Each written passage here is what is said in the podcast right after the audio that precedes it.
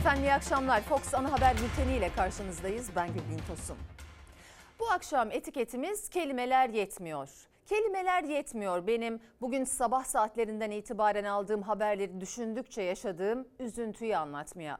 Hayatını trafik kazasında kaybeden madencilerimizi, esnafın, depremzedelerin içinde bulunduğu durumu, yeni çıkan hayvanları koruma kanunundaki sorunları anlatmaya kelimeler yetmiyor benim için. Sizler de görüşlerinizi paylaşabilirsiniz. Hemen koronavirüsle savaşımızda geldiğimiz noktayla başlayalım bültene. Tüm çağrılara, uyarılara rağmen aşılama istenilen seviyede değil. Sağlık Bakanlığı'ndan da hızlanalım mesajları geliyor ama delta mutasyonu tehdidine rağmen aşılama hızı artmak bir yana günden güne düşüyor. Geçmiş olsun, hayırlı olsun. Şu anda virüsle bir yarış halindeyiz. Ee, eğer aşılarımızı düzgün bir biçimde tamamlayıp o toplumsal bağışıklık oranına bir an önce ulaşabilirsek e, virüsü biz yeneceğiz e, ve sonbahara çok rahat gireceğiz. Ama bunu yapamazsak ne yazık ki e, bizim açımızdan ve toplum açısından e, kötü bir süreç e, yaşayabiliriz. İşte bu kritik eşikte Türkiye aşılama oranı istenilen seviyeye ulaşamazsa sonbaharda delta mutasyonu nedeniyle dördüncü dalga kapıda. Aşıya ilgi ise düştü.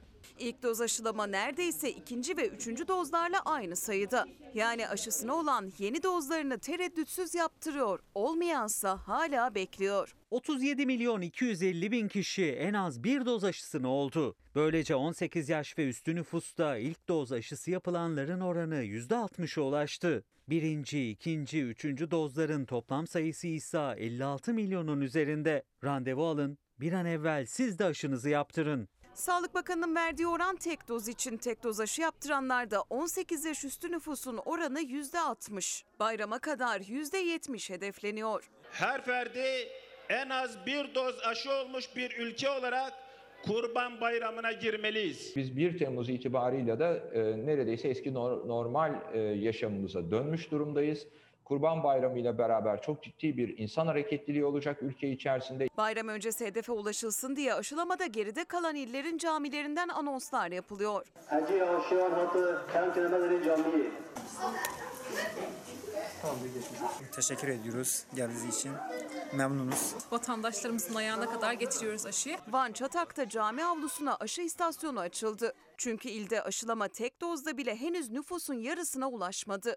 Türkiye genelinde ise çift doz aşılananların oranı sadece %19,7. Temmuz'un sonu Ağustos'un başı gibi diyelim. E, bir e, pik daha yapabiliriz. Bugün bir e, haber aldım. Hastanemiz çalışanının bir yakını 22 yaşında gencecik bir kızcağız şu anda entübe olmuş durumda. Peki hocam hastanelerinizde bir yoğunluk var mı? Böyle tek tük gelmeye başladı. Yani yavaş yavaş gelmeye başladı tekrar e, hastalar. Bizim yoğun bakımımıza da birkaç hasta geldi. Delta mutasyonunun gençlerde daha çok görülmesinin sebebi aşı yaptırmamış olmaları. Güney Kore'de bunun en net örneği. Ülke koronavirüsle mücadeledeki başarısıyla anılıyordu. Ancak delta nedeniyle vaka sayılarında rekorlar yaşanıyor. En çok da 20-30 yaş arası aşı olmayan grupta tespit edildi. Başkent Seul'de kısıtlama kararları alındı. Güney Kore'de şöyle bir örnek var.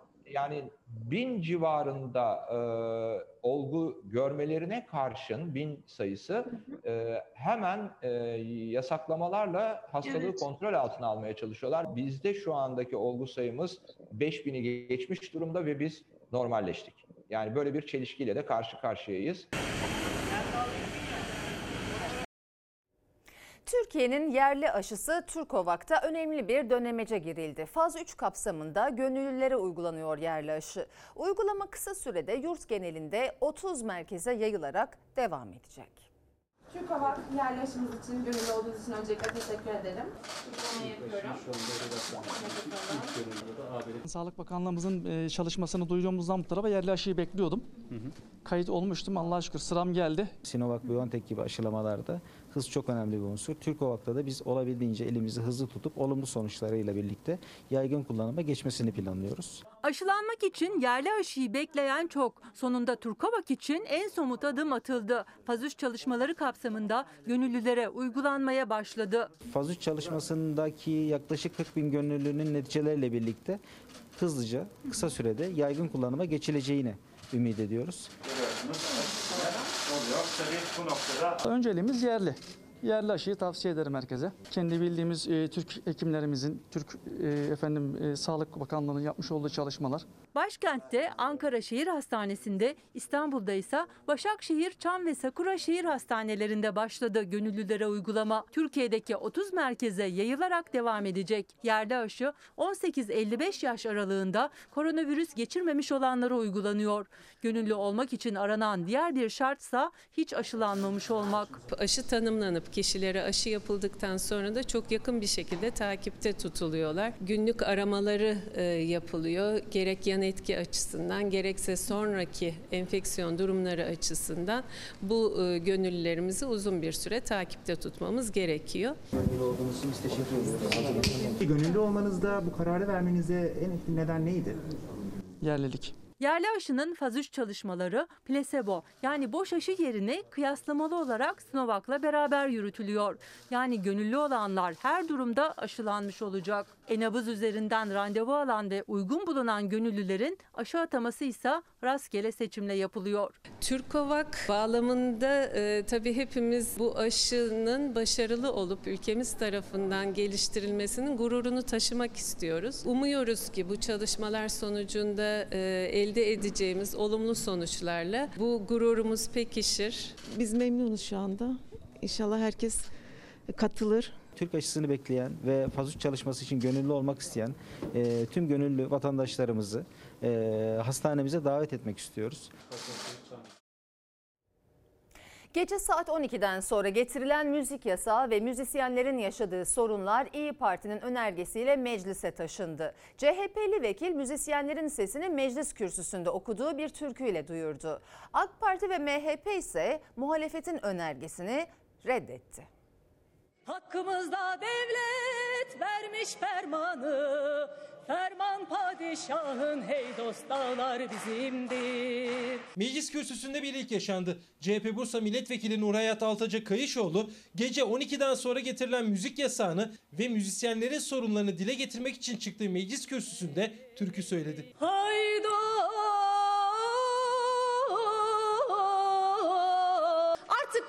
yasaklara son verin. Bu utançtan bu ülkeyi kurtarın diyorum. Son salgın döneminde tam 40 bin müzisyenimize 270 milyon TL yardım yapılmıştır. Yeter mi? Yetmez. Keşke daha fazla yardım yapabilsek. Pandemi yasaklarının başladığı Mart 2020 yılından bugüne tam yüzün üzerinde müzisyen intihar etti arkadaşlar ya. Farkında mısınız bilmiyorum.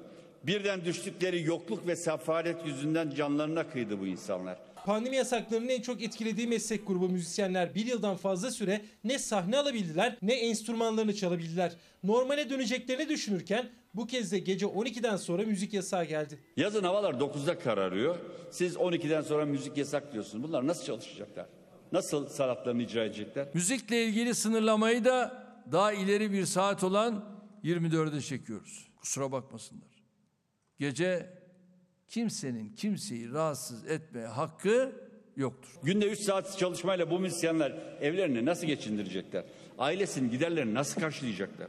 İyi Parti pandemi döneminde işsiz kalan, geçim sıkıntısı yaşayan müzisyenlerin sorunlarının çözümü için önerge verdi genel kurula. CHP adına Nurhayat Altaca Kayışoğlu çıktı kürsüye. Belimizde kılıncımız kirmani Taşı deler mızrağımın temreni Hakkımızda devlet vermiş fermanı Ferman padişahın hey dost dağlar bizimdir Çünkü tek parti döneminde sanat musikisini yasaklayanlar işte Cumhuriyet Halk Partisi'ydi. O tek partinin içinde Celal Bayar da vardı, rahmetli Menderes de vardı, senin deden de vardı.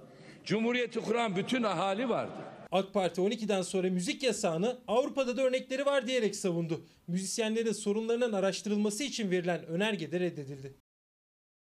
Mecliste müzik çok güzel olmuş. Celal Bey diyor ki o kadar çok sorunlar var ki anlatmaya kelimeler yetmiyor. Siyaset haberleriyle devam edeceğiz.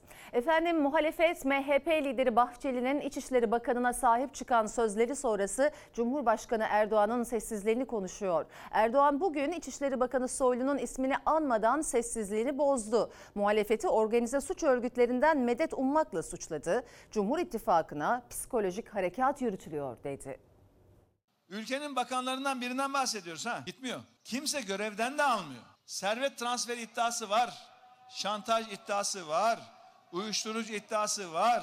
Akraba kayırmacılığı var. Şirketinin bakanlığı döneminde ölçüsüz büyümesi var. Nasıl 17-25 Aralık girişiminde FETÖ'cülerin sözcülüğünü yapmışlarsa şimdi de organize suç örgütlerinden karanlık sosyal medya mecralarından medet ummaya başladılar. Bahçeli'nin sahipsiz değil çıkışı sonrası Cumhurbaşkanı İçişleri Bakanı ile ilgili konuşacak mı sorusu sorulurken Erdoğan ve Soylu haftalar sonra ilk kez aynı karede görüntü verdi Diyarbakır'da.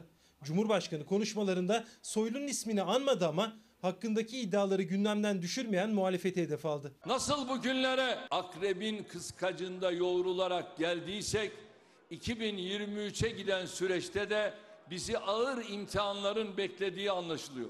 Yurt dışı mahreçli planların yeniden devreye alındığını görüyoruz. İçişleri Bakanı'nın bir gün o görevde kalmaması lazım. Derhal istifa etmesi lazım. Başını CHP'nin çektiği her kesim dozunu her gün biraz daha yükselttikleri nefret söylemleriyle bu kirli planlara destek veriyor. Süleyman Soylu yere düştü. Bahçeli yanında durmasa AK Parti'nin diğer yetkilileri üstüne çullanacak. Muhalefet İçişleri Bakanı'nın Cumhurbaşkanı ve AK Parti tarafından yalnız bırakıldığını söylüyor. MHP liderinin çıkışına karşı Erdoğan'ın benzer cümleler kurmamasına dikkat çekiyor. Kim demiş Sayın Soylu yalnız diye? Kim demiş Sayın Soylu kimsesiz diye? Şaibelerin ortasındaki bu ismin yükünü daha ne kadar taşıyacaksınız? Yoksa krizlerin ortağı Sayın Bahçeli'yi hükümet sözcüsü olarak mı atadınız diye soruyorum. Cumhur İttifakı'na karşı yalan ve çarpıtma üzerine kurulu bir psikolojik harekat yürütüyorlar. Bahçeli Soylu'yu terörle mücadele kahramanı ilan ettikçe Erdoğan rahatsız oluyor. Bir tek ben kahramanım başka kahramana yer yok diyor.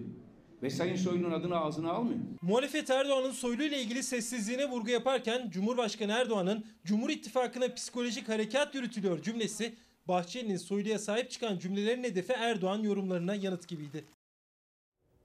Cumhurbaşkanı Erdoğan uzun bir aradan sonra Diyarbakır'ı ziyaret etti. Evlat nöbetindeki Diyarbakır anneleriyle bir araya geldi. Ardından da çözüm sürecine ilişkin çok dikkat çekici cümleler kurdu. Süreci biz başlattık ama HDP bitirdi dedi.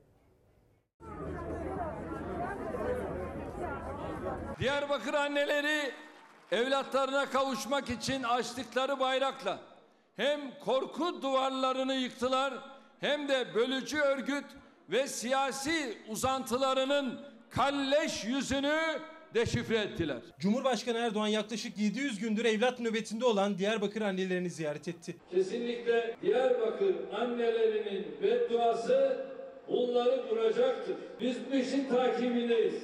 Erdoğan Diyarbakır annelerine evlatlarınıza kavuşmanızın takipçisi olacağız sözünü verdi.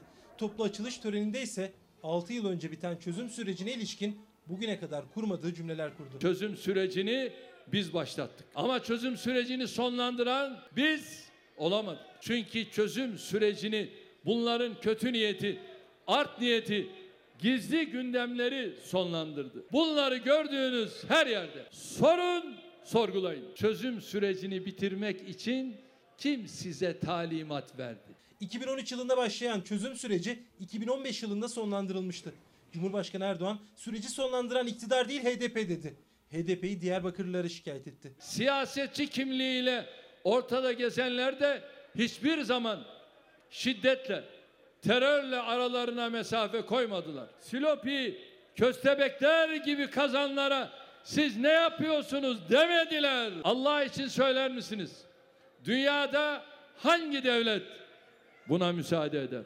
Utanmadan, sıkılmadan hala barış, kardeşlik, demokrasi diyorlar. Siz bu kavramları en son ağzına alacak kişilersiniz. Ey HDP!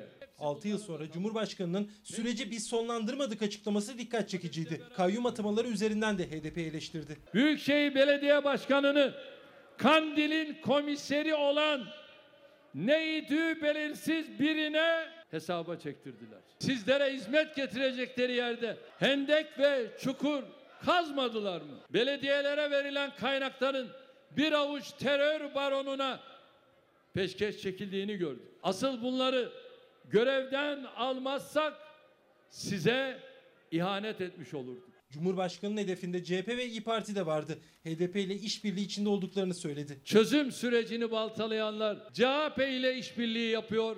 Hatta anayasa yapmaktan bahsediyor. İyi Parti beraber yürüyorlar mı? Al birini vur öbürüne. Erdoğan'ın çözüm sürecine ve muhalefete yönelik sözleri rafa kalkan bir tartışmayı yeniden siyasetin gündemine getirecek gibi. Erdoğan, Diyarbakır cezaevi ile ilgili de önemli bir bilgi verdi. Bir de müjde vermek istiyorum. Diyarbakır cezaevini yakında boşaltıyor ve kültür merkezi olarak sizlerin hizmetine sunuyoruz. CHP liderinin Cumhurbaşkanlığı uçaklarını satacağım açıklamasına Cumhurbaşkanı Erdoğan tarifeli uçakla mı uçacaksın diyerek tepki göstermişti. CHP lideri de Erdoğan tarifeli uçakla uçmak sandığın kadar, kadar kötü değil yanıtını verdi. Yeni günde ise hem CHP'den hem de diğer muhalefet partilerinden Erdoğan'a uçak ve israf tepkileri sürdü. İşte neler söylediğini görüyorsunuz. Gelince uçakları satacakmış. Dünyayı dolaşacaksın. Neyle? Tarifeli uçaklarla? Bizim milli gelirimizin 20 katı 30 katı olan ülkelerin uçak sayısına bakın. Bir de bizim uçak sayımıza bakın. O uçakları geldiğimiz gün satacağımızı söylemek istiyoruz. En başta da o Katar'ın hediye etmiş olduğu uçağı satacağız. Kılıçdaroğlu'nun israf çıkışıyla Cumhurbaşkanlığına bağlı uçakları satacağım açıklamasına Erdoğan'ın tarifeli uçak tepkisi ve polemik yeni açıklamalarla sürüyor. 13 tane uçak mı var? Satacağım onları. Lüks arabalar mı var? Satacağım onları. Yarış edeceksin. Neyle? Tarifeli uçaklarla mı? Yo, trene binersin. Otobüslerle beraber seyahat edersin. Almanya Başbakanı Merkel tarifeli uçakla gidiyor. Dünyanın en büyük ekonomisi olan ABD'nin iki uçağı var. Japonya İmparatorluğu'nun emrinde iki uçak var. Devlet yönetmenin ne anlama geldiğinden senin haberin yok ya. Yani uçakları sattığın zaman devleti yönetmiş mi oluyorsun? Her iki gençten biri işsiz ama 13 özel uçağımız var. Halkın durumu bu şekildeyken isterse 130 uçağın olsun itibarlı değil israflı olarak gözükürsünüz. Biz geldiğimiz zaman bu uçakları satacağız. Sayın Cumhurbaşkanı uçakları satıp da tarifeli uçağa mı binelim? Devlet böyle uçak satarak yönetilmez diyorsunuz ya. Sayın Erdoğan 13 uçak var. Hepsini satmayın. İkisi kalsın 11 tanesini satın. Tasarrufa uçaktan başlayın. Devletin ekonomisi çöktü. Ekonomist olarak çözüm üretin. CHP ile Erdoğan arasındaki uçak polemiğine Demokrat Partili Cemal Engin Yurt da 11 uçak satılsın diyerek katıldı. Gelecek Partisi lideri Davutoğlu ve Deva Partisi lideri Ali Babacan da konuştu. Başta Cumhurbaşkanlığındaki israf başta olmak üzere yazlık saraylardan yüzleri bulan danışmanlara 15-16 uçağı ve her türlü e, israfı bünyesinde barındıran zihniyete bir son vereceğiz. 100 araçlı konvoyların içinde 1200 odalık kışlık 300 odalık sarayların içinde çalışmayacaksın. Vatandaşla iç içe olacaksın. Bir yanda Cumhurbaşkanlığına bağlı uçak sayısı tartışması, diğer yanda Marmaris Okluk Koyu'nda inşa edilen yazlık konut. Sözcü gazetesi o konuta ait içeriden yeni fotoğraflar yayınladı. Dördüncü yargı paketi dün gece Meclis Genel Kurulu'nda AK Parti ve MHP'nin oylarıyla kabul edildi. Muhalefet o düzenlemede yer alan bazı noktalara özellikle dikkat çekti, itiraz etti. Onlardan biri de çocuğa cinsel istismarda somut delil aranma şartı getirilmesi. Çocuğun istismarını da kapsayan katalog suçlardan tutuklama için kuvvetli suç şüphesi yetmez somut delil de isteriz diyorsunuz. Çocuk gidecek delil bulacak size. Somut delil kavramı keyfi tutuklamanın önüne geçecek bir durumdur. İstismar etmeyin ve karıştırmayın. Dördüncü yargı paketi tartışmalarla meclisten geçti. Çocuğa cinsel istismarda somut delil aranma şartı getirildi. Sivil toplum kuruluşlarının verilerine göre Türkiye çocuk istismarının en sık görüldüğü üçüncü ülke. Dünyada Türkiye üçüncüymüş. Şu anda eldeki verilerin tamamı uydurma. Çocuk gidecek delil bulacak size. İyi bir avukat bulacak önce. Darp ve tıbbi raporlarını alacak. Çocuk istismarı suçunda e, somut delil aranıyorsa zaten bu tutanaklar, uzmanların tuttuğu raporlar da e, yargı tarafından somut delil olarak değerlendirilebilecektir. Tarikat şeyhi 12 yaşındaki kız çocuğuna cinsel istismardan tutuklandı mı? Tutuklanmadı mı? İktidar çocuk istismarı suçunda somut delil aranması keyfi tutuklamanın önüne geçecek diyor. Muhalefet ise birilerini kurtarma düzenlemesi diye itiraz ediyor. Dördüncü yargı paketinde tutuklamaya da istisna getiriliyor. Adli kontrol yeterliyse tutuklama kararı verilmeyecektir. Sorun uygulamada, sorun zihniyette. 23 Haziran'da İstanbul Esenyurt Polis Merkezi'nde bir vatandaş polis merkezine girdi. Maalesef ölüsü çıktı. İki hafta geçti. Bir tek şüpheli dahi yok. Yaklaşık iki yıl önce bir reform paketi daha getirdiniz. Yine süslü bir cümleyle demiştiniz ki tutukluluk iki yıldan fazla süremez demiştiniz. Oysa şimdi ne yapıyorsunuz? Osman Kavala davası, Selahattin Demirtaş davası buna örnektir. İfade vermesi için hakkında yakalama kararı olan kişi evinde, otelde, yolda tespit edildiğinde gözaltına alınmayacak ama bir defaya mahsus. Yargı paketinde kadına yönelik şiddetle ilgili de düzenleme var. Eşe karşı işlenen suçlarda cezayı artıran nedenler boşanılan eşi de kapsayacak. Muhalefet ve sivil toplum kuruluşları eş ya da boşanılan eş değil, kadınların tümünü kapsaması gerektiğini söylüyor.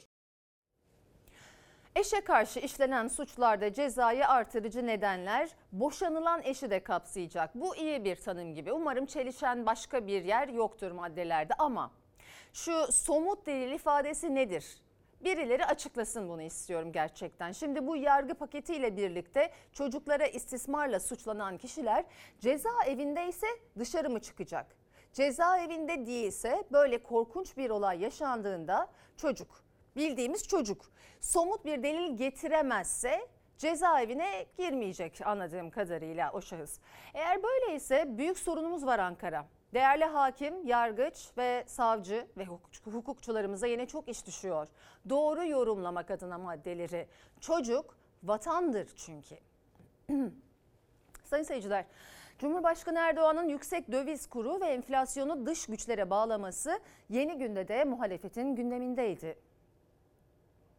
Gezi olaylarındaki amaç neyse kur, faiz, enflasyon üçgeni üzerinden kurulan oyunda aynıdır. Bu ülkenin hazinesinin borcu 2018 yılından sonra ikiye katladı mı? Ya şimdi gezi olayları 2013. 2013'teki gezi olaylarını çıkaran mı geldi de bugün hazinenin borcunu ikiye katladı? Çukur eylemleri 2016. 5 yıl geçmiş 5 yıl. Çukur eylemlerini yapanlar mı bu ülkenin dövizlerini sattı ya? Türkiye'yi rayından çıkartmayı başaramayanlar bu defa daha sinsi yol ve yöntemlere yöneldiler.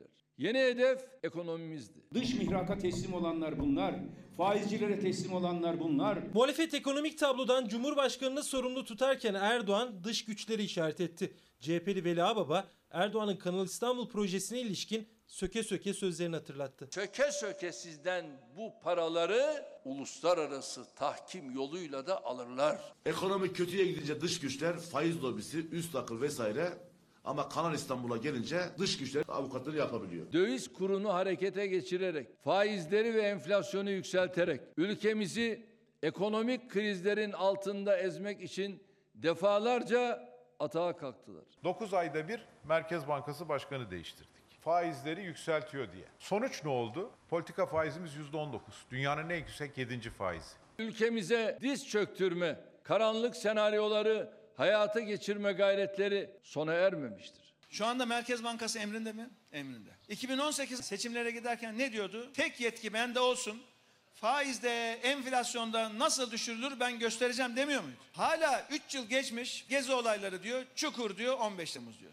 Kimse kusura bakmasın. Bu millet saf değil. Muhalefet Türkiye ekonomisine dışarıdan saldırı açıklamalarını kabul etmiyor. Ekonomik tablonun tek sorumlusu iktidar diyor. Sırf akraba diye al damadı bakan yap diye bu millet mi söyledi? 130 milyar dolar dövizi sat diye bu millet mi söyledi size? Faizi yüzde 19'da tut diye bu millet mi söylüyor size? Yurt dışındaki altınlarımızın tamamını ülkemize getirmek ve döviz rezervlerimizi güçlendirmek suretiyle bu saldırılara karşı hazırlığımızı önceden yapmıştık. Merkez Bankası rezervlerini biz 27 milyar dolardan aldık. 132 milyar dolara çıkarttık. Yıllarca biriktirdik damla damla. Bunlar ne yaptı? Taraflı Cumhurbaşkanı, Akraba Bakan'ın tam 130 milyar dolarlık döviz rezervini cayır cayır cayır cayır sattılar. Muhalefetin ekside dediği Merkez Bankası rezervi son 2 yılın en yüksek enflasyon rakamı, yüksek döviz kuru. Cumhurbaşkanının dış güçler çıkışı muhalefet cephesinde böyle yankılandı. İşsizlik zaten yüksekken bir de işten çıkarma yasağı sona erdi. İstanbul Ticaret Odası'ndan işsizlik fırtınası daha da büyümesin diye hükümete teşvik çağrısı geldi. Disk'in hazırladığı rapora göre ise işsizlik oranı resmi rakamların çok ötesinde.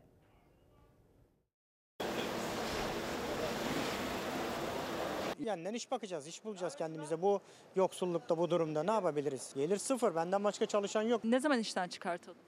Bu ayın üçü, üçünde. istihdamın korunmasına doğrudan katkı sağlayan tedbirleri almaya devam etmemiz gerektiğini düşünüyoruz. Uzun süredir işsiz olanlara işten çıkarma yasağından sonra yenilere eklendi. İşsizler gelir arıyor. İşverense daha fazla çalışanı işten çıkartmak zorunda kalmamak için teşvik bekliyor. İstanbul Ticaret Odası Başkanı da hükümete verilen sözlerin tutulması çağrısında bulundu. Mevcut istihdamı destekleyen ve e, gündeme gerekli ifade edilen 75 liralık desteğinde bir an önce destek, devlet girmesi konusunda Sayın Bakan'ın desteklerinizi istirham ediyoruz. Evliyim, iki çocuğum var. Evin elektriği kesiliyordu. Kesilmek, kesilmişti hatta. Doğalgaz kesilmek üzereydi. Akrabalardan rica ettim. Hani ne gönderebiliyorsanız kötü durumum yok dedim. Kötü durumdayım. Bana yardımcı olun dedim. İşsizin kıskacında Aşkın Altun iki çocuğu var. Onun çocuklarına bakması gerekirken ailesi ona bakıyor. Annem emekli, emekli maaşından. Çok kötü bir şey yani. Bizim onlara bakmamız gerekirken onlar bize bakıyor şu anda. Günlük iş buluyorum. Kamyon indirme bindirme oluyor. Her gün çıkmıyor tabii canım. Haftada bir kere, onunla 10 günde bir kere denk geliyor. Salgınla yavaşlayan çarklar için planlama şart uyarısında bulundu İstanbul Ticaret Odası Başkanı. Disk'in hazırladığı raporda da işsizliğin resmi rakamların çok daha ötesinde olduğunu gösteriyor. 16 aylık Covid biliyoruz ki gelecek 10 yılımızı değiştirecek. Keskin bir ekonomik toparlanmanın yaşanacağı pandemi sonrası döneme hazırlık için hükümetimizle beraber ciddi bir hazırlık dönemine girmiş bulunuyoruz. Diske göre gençlerde işsizlik %40'ı aştı. Bunların yarısı ise yoksullukla mücadele ediyor. En acı olansa iş için en verimli çağda anne babalarının eline bakıyor olmaları. Evet, istik maaşı başvurusu yaptım. Yeni bir iş arayışındayım. Yaş kaç? 24. Askerliğimi yapmışım, gelmişim. Yani insan utanıyor istemiyor. TÜİK %25,6 olarak açıklamıştı ama diske göre gençlerde işsizlik %42,7'ye ulaştı. En verimli yaşlarını iş arayarak geçiriyorlar. Kimi işten çıkarma yasağı varken kod 29'da işsiz bırakıldı, yeni iş bulamıyor. Kimi ise kısa süreliğine devletten yardım aldı ama şimdi artık geliri yok. Keşke kendim çalışıp kazanabilsem. Çalışabilecek yaştayken kod 29 yüzünden e, işçilik sicilim bozulduğu için iş bulamıyorum. Biraz sosyal dayanışmadan işte vakıftan şeyden yardım ara sıra geliyor. Başka gelmedi, başka gelirimiz yoktu. Bir izleyicimiz diyor ki cana mala zarar vermemiş sürücüler için bir kereliğine bayrama ehliyet affı istiyoruz. Bir buçuk milyon kişiye dayandık. Ehliyete el koyma süreleri çok uzun çünkü. Ee, devam edelim haberle. Yüz binlerce öğretmen adayı atama beklerken Cumhurbaşkanı Erdoğan öğretmen açığı yok demişti. Birkaç gün sonra ise Milli Eğitim Bakanı açık var ama bütçe yok açıklaması yaptı. Saadet Partisi'nin öğrenci kongresine katılan ataması yapılmayan bir öğretmen yüz binlerce aday adına konuştu. Ben Hacettepe Üniversitesi Bilgisayar Öğretmenliği mezunuyum. KPSS'den 88 aldım. Türkiye'de 59. oldum atanamıyorum. Kafam dara çıkmış, sırtım dara çıkmış. Doktor bana diyor ki kanser olacaksın böyle gidersen. KPSS sınavına Türkiye derecesine rağmen atanmayan bir öğretmenin isyanı. Hiçbir kişi dere getirmiyor. Ben anlam veremedim bu işe. 17 yıl en düşük ataması yapılıyor. Ve puanım 25 gün sonra geçersiz kılınacak. Yalvarıyorum size ne olur yalvarıyorum lütfen. Ek 40 bin atama. İhtiyacımız neyse. Açık var. Bilmiyoruz. Ataması yapılmayan yüz binlerce öğretmene kapıyı Cumhurbaşkanı kapatmıştı. İhtiyaç çok fazla var diyerek ancak birkaç gün sonra Milli Eğitim Bakanı öğretmen ihtiyacı olduğunu dile getirdi. salgın dönemiyle ilgili bir ifadeydi. Ee, yoksa bizim öğretmen ihtiyacımız var. Öğretmen ataması.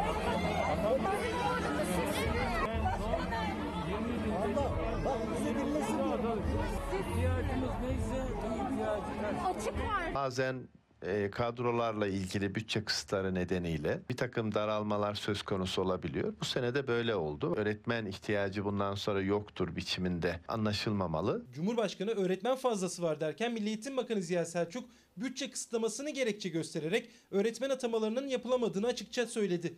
Saadet Partisi'nin online olarak yaptığı öğrenci kongresine atama bekleyen öğretmen İrfan Başkaya'nın sözleri damga vurdu. KPSS puanı 88, Türkiye 59.sü. Şu an benim 25 gün sonra puanım yazacak. KYK çıkartıldı yılın başında.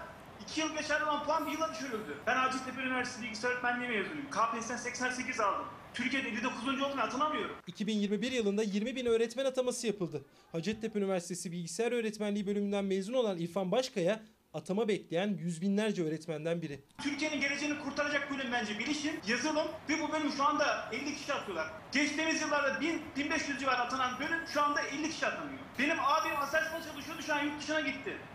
Neden gitti? Çünkü ülkede değer yok. Sayıştay raporuna göre 450 bine yakın öğretmen atama bekliyor. Her sene bu rakama 40 bin yeni mezun ekleniyor. İktidar öğretmen açığını sözleşmelilerle kapatmaya çalışırken yakın zamanda da yeni atamalara ilişkin bir işaret vermiyor. 15 yıldır tazminat mücadelesi veren Somalı maden işçileri hafta başından bu yana Ankara'da mücadelelerine devam ediyordu. Sonunda AK Parti grubundan aldıkları sözlerle memleketlerinin yolunu tuttular. Ancak ne yazık ki mücadelenin öncüsü Bağımsız Maden İş Sendikası Başkanı ile birlikte babasını madende kaybeden bir genç dönüş yolunda trafik kazası geçirerek hayatını kaybetti. Biz kanun istedik kanun. Kanunla bu işçilerin hakları ödeyin dedik. Ey Türkiye milleti neredesiniz? Neredesiniz? Çelik kuvvetiyle, askeriyle, jandarması hep karşımızda. Neden? Neden Allah aşkına neden? Haykırdığı son cümleleriydi bunlar. Maden işçisinin sesi oldu. Çalınmadık kapı, yürünmedik yol bırakmadı. Her kapı yüzüne kapansa da vazgeçmedi. Ankara'dan Somalı maden işçileri için yaptığı görüşmeden dönerken trafik kazasında hayatını kaybetti. Bağımsız Maden İş Sendikası Genel Başkanı Tahir Çetin ve Soma'da madende babasını kaybeden, tazminat mücadelesi veren Ali Faik İnter'in ölümü madencileri ve sevenlerini yasa boğdu. Kanunsuz, adaletsiz, insana insan gibi değer vermek nasıl bir adaletsizlik var? Nasıl? Yeter ya. Madende kaybettikleri uzuvları, artık nefes alamaz hale gelen ciğerleri, görmeyen gözleri için Somalı uyar madencilik işçileri bir kez daha Ankara'da meclise yürümek istedi. Hafta başında başkente alınmadılar. Sendika Başkanı Tahir Çetin ve Ali Faik İnter hükümetle görüşmeleri sürdüren heyetteydi. Son görüşmelerini AK Parti Grup Başkanı Naci Bostancı ve Grup Başkan Vekili Mustafa Elitaş'la yaptılar. Mağdur olan iş arkadaşlarımızın ki, e, mağdur olan listeyi istediler. Naci Bostancı da ifade etti. Bir yasadan yana değil, çözüm için başka bir yolların arandığını ifade ettiler. Yine elleri boş ama verilen sözlerle Ankara'dan ayrıldı madenciler. Manisa Soma'ya dönerken 5 günlük yorgunlukla çıktıkları yolun son 15 kilometresinde kaza yaptılar. Araçları yoldan çıktı. Bağımsız Maden İş Sendikası Başkanı Tahir Çetin ve babasını madende kaybeden Ali Faik İnter hayatını kaybetti. Süleyman Soylu. Hani verdiğin söz? Hani namus sözü vermiştin? Ankara'ya girişlerine engel oldun. Ve bugün onlar hayatta yoklar. Umarım bir gün bu yaptığınız zulmün hesabını verirsiniz. 27 yaşındaki Ali Faik İnter Soma'dan son yolculuğuna uğurlandı. Sendika Başkanı Tahir Çetin ise cumartesi günü toprağa verilecek. Çabaları, mücadeleleri ise hiç unutulmayacak. Defalarca kendilerine yasa için ısrarla ikna etmek için mücadelemizi ettik ve mücadelemizi etmeye devam ettireceğiz. Ölmek var, ölmek yok. Bağımsız Maden İş Sendikası Genel Başkanı Tahir Çetin ve madende babasını kaybeden Ali Faik İnter hak ararken hak yoluna yürüdüler. O kadar üzüldüm ki sabah öğrendiğimde aslında ağladım. Ne oldu şimdi Sayın Soylu? Ne oldu şimdi Sayın Hükümet yetkilileri? Şimdi onların hakkı üzerinizde kalmadı mı? Yani bu insanlar zaten ölümü göze alıp iş yapan insanlar da. Şimdi Sayın Özgür Özel'le görüştüm sabah. Kendisi de pek iyi değildi. Çünkü onlar çok yorulmuşlar Ankara'da. Bari biz gidelim biraz dinlenelim gene geliriz demişler yola çıkarken Ankara'dan. Önümüzdeki salı günü de geliriz demişler e, ayrılırken Ankara'dan. Bunu biliyor muydunuz? Şimdi gelemeyecekler. Ankara'da, Ankara'nızda rahat edin. Toz koparandaki kentsel dönüşüm düğümünü defalarca ekranlarınıza taşımıştık. İki hafta önce evlerini terk etsinler diye elektrikleri ve suları kesilmişti. Danıştay'dansa yürütmeyi durdurma kararı geldi. Yani evlerinden ayrılmak zorunda kalmayacaklar.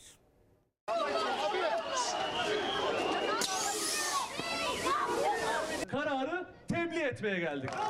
Tebliğ edeceğimiz nokta şudur ki toz koparanda hali hazırda şu dakika itibariyle bir riskli alan yoktur. Riskli alanda oldukları gerekçesiyle evlerini boşaltmaları istenmiş. Boşaltmayınca da elektrik, su ve doğalgazları kesilmişti. Toz koparanlar direnince polisin sert müdahalesiyle karşılaşmıştı. Bu görüntülerin üzerinden iki hafta geçti. Elektriksiz, susuz geçen iki haftanın ardından Danıştay yürütmeyi durdurma kararı verdi. Yani alan riskli sayılmayacak, evlerini terk etmek zorunda kalmayacaklar. Bu kadar olmasın sana bu kadar eziyet olmaz.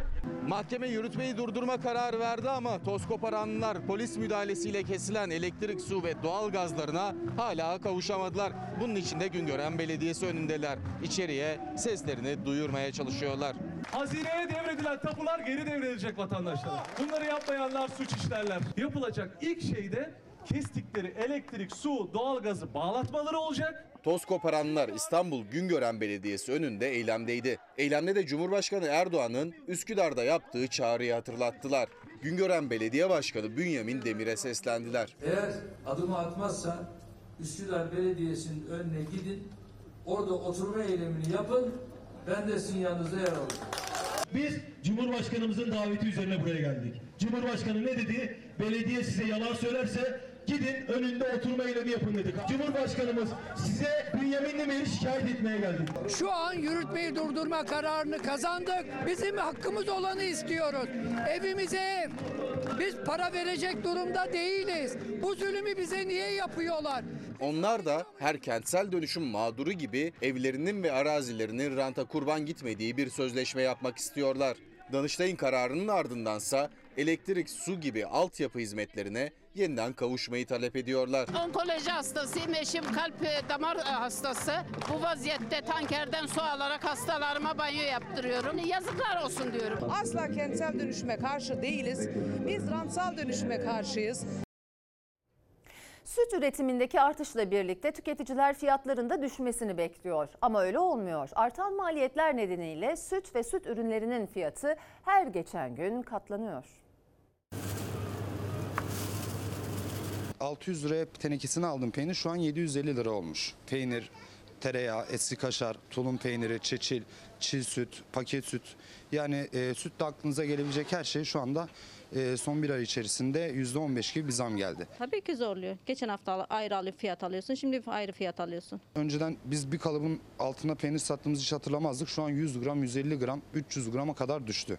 Tüketici en temel gıda ürünlerinden süt ve süt ürünlerinin zamlanan fiyatlarından dertli. Başta peynir ve tereyağı olmak üzere süt ürünleri son bir ayda ortalama %15-20 zamlandı. Zaten pahalıydı, daha da cep yakıyor artık. Tüketici pahalılıktan, üretici de artan maliyetten şikayetçi. Üstelik tarım yazarı Ali Ekber Yıldırım'a göre fiyatlar daha da artabilir. Bu yem fiyatlarındaki artış durdurulamazsa ve yemdeki zamlar çiğ süt fiyatına yansıtılamazsa üretici para kazanamadığı için e, süt hayvancılığını sürdüremeyecek, besiciliği sürdüremeyecek. Önümüzdeki dönemde hem ette hem de sütte fiyatlar daha fazla artabilir. Üreticinin maliyet artışı raflardaki etiketlere de yansıdı. Süt ürünlerine ortalama %15 ile 20 arasında zam geldi son bir ayda.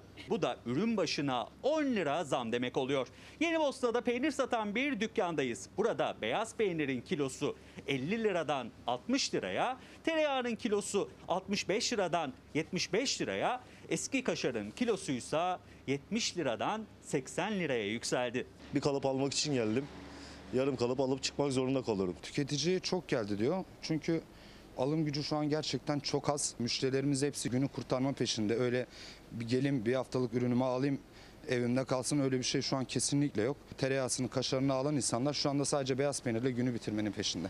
Özellikle yoğurt yapmak için tercih edilen sütün 5 litresi bundan bir hafta önce 28 liraydı.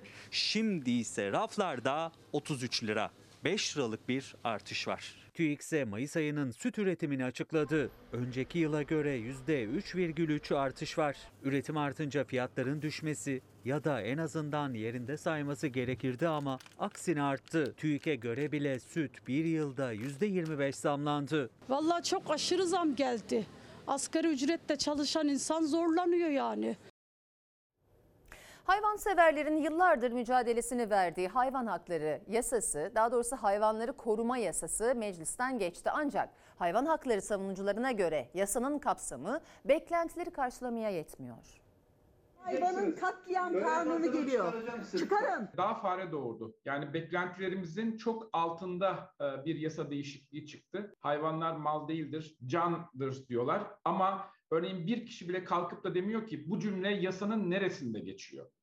Yasanın hiçbir yerinde geçmiyor. Yıllardır mücadele ediyorlardı. Sonunda hayvan hakları yasası meclisten geçti. Ama hayvanseverlerin beklentileri karşılanmadı. Çünkü yasa ne evcil hayvan satışının önüne geçiyor ne de avcılığın. Kötü muameleye karşı verilen cezalar da caydırıcı seviyede değil. Hayvanlar mal değildir, hissedebilen varlıklardır e, can olarak kabul edilir diye bir cümle koyabilirlerdi. Böyle bir cümle koyulmuş olsaydı örneğin hayvanların pet shoplardan mal gibi satılmamasının önüne geçilecekti.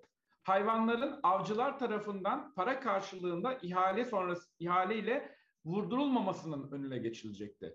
Yunus parklarındaki yunusların gösteri maksatıyla izlenmesinin mevcutlardakinin önüne geçilecekti. Hayvanların sokaklarda, barınaklarda, evlerde şiddet görmesinin, işkenceye uğramasının önüne geçilmesi ve sağlıklı koşullarda bakılması için etkili bir hayvan hakları yasası istiyordu hayvanseverler. Yasa teklifi tartışmalar eşliğinde komisyondan geçti. Mecliste kabul edildi. 4 milyon hayvanın katliam kanunu geliyor. Nesli yok olma tehlikesi altında olan bir hayvanı öldürmenin cezası 1 yıldan 5 yıla kadar, bir evcil hayvanı öldürmenin cezası 6 aydan 4 yıla kadar, hayvana kötü muamele, işkence ya da cinsel istismarın cezası da 6 aydan 3 yıla kadar hapis olarak belirlendi. 6 ay hapis cezası demek aslında bir yatarı olmayan, hiçbir şekilde tutuklaması olmayan ceza demek. Hayvana kötü muameleyi siz bizzat gördüğünüz zaman bir suç duyurusunda bile bulunamayacaksınız. Ne Aa. vatandaş olarak ne hayvanları koruma derneği olarak. Kim bulunabilecek? O şehirdeki, ilçedeki tarım il müdürü ya da ilçe müdürü bulunabilecek. Diyecekler ki hayvan kendisi gitsin, hani başvursun.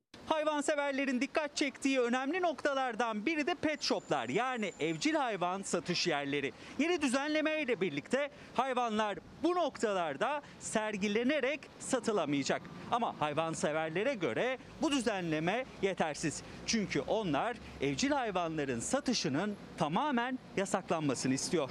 Dükkanlarda hayvan satışı olmayacak. Fakat internet üzerinden, katalog üzerinden, afiş ve broşür üzerinden yine siz bu hayvanları sipariş edeceksiniz. Para verip satın alabileceksiniz. Yunus parkları ve avcılıkta hayvanseverlerin yaptırım beklediği başlıklar arasındaydı ama etkili bir düzenleme yer almadı. Yunus parkları tamam bundan sonra açılmayacak ama mevcut yaklaşık 14-15 tane Yunus park var. Yeni hayvan alınmaması gerekir diyor ama yeni hayvan alındığı zaman da verdiğiniz ceza 25 bin lira.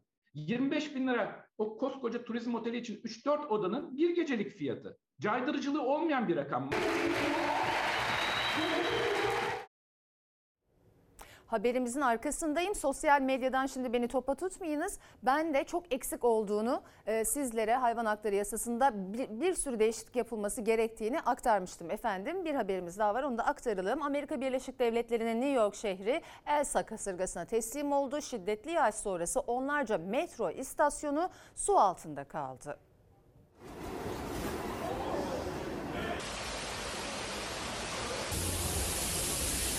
Elsa kasırgası New York'u vurdu. Metro istasyonlarını su bastı. Yolcular beline kadar suya girdi. Bazıları ise ayaklarına çöp torbası geçirerek merdivenlerdeki su birikintisini aşmaya çalıştı. Amerika Birleşik Devletleri tropikal kasırga Elsa'nın etkisi altında. Florida ve Georgia eyaletlerini yıkıp geçen kasırga New York'a ilerlemeye başladı. Kasırga hızla bölgeye yaklaşırken şiddetli yağış sele dönüştü. Yolları ve onlarca metro istasyonunu su bastı.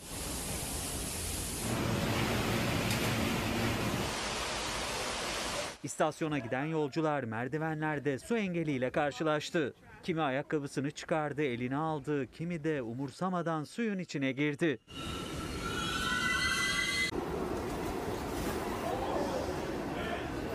Bir kadın beline kadar suya battı. Yağmurdan korunmak için çöp torbalarını ayağına geçirenler yürüyerek karşıya geçmeye çalıştı.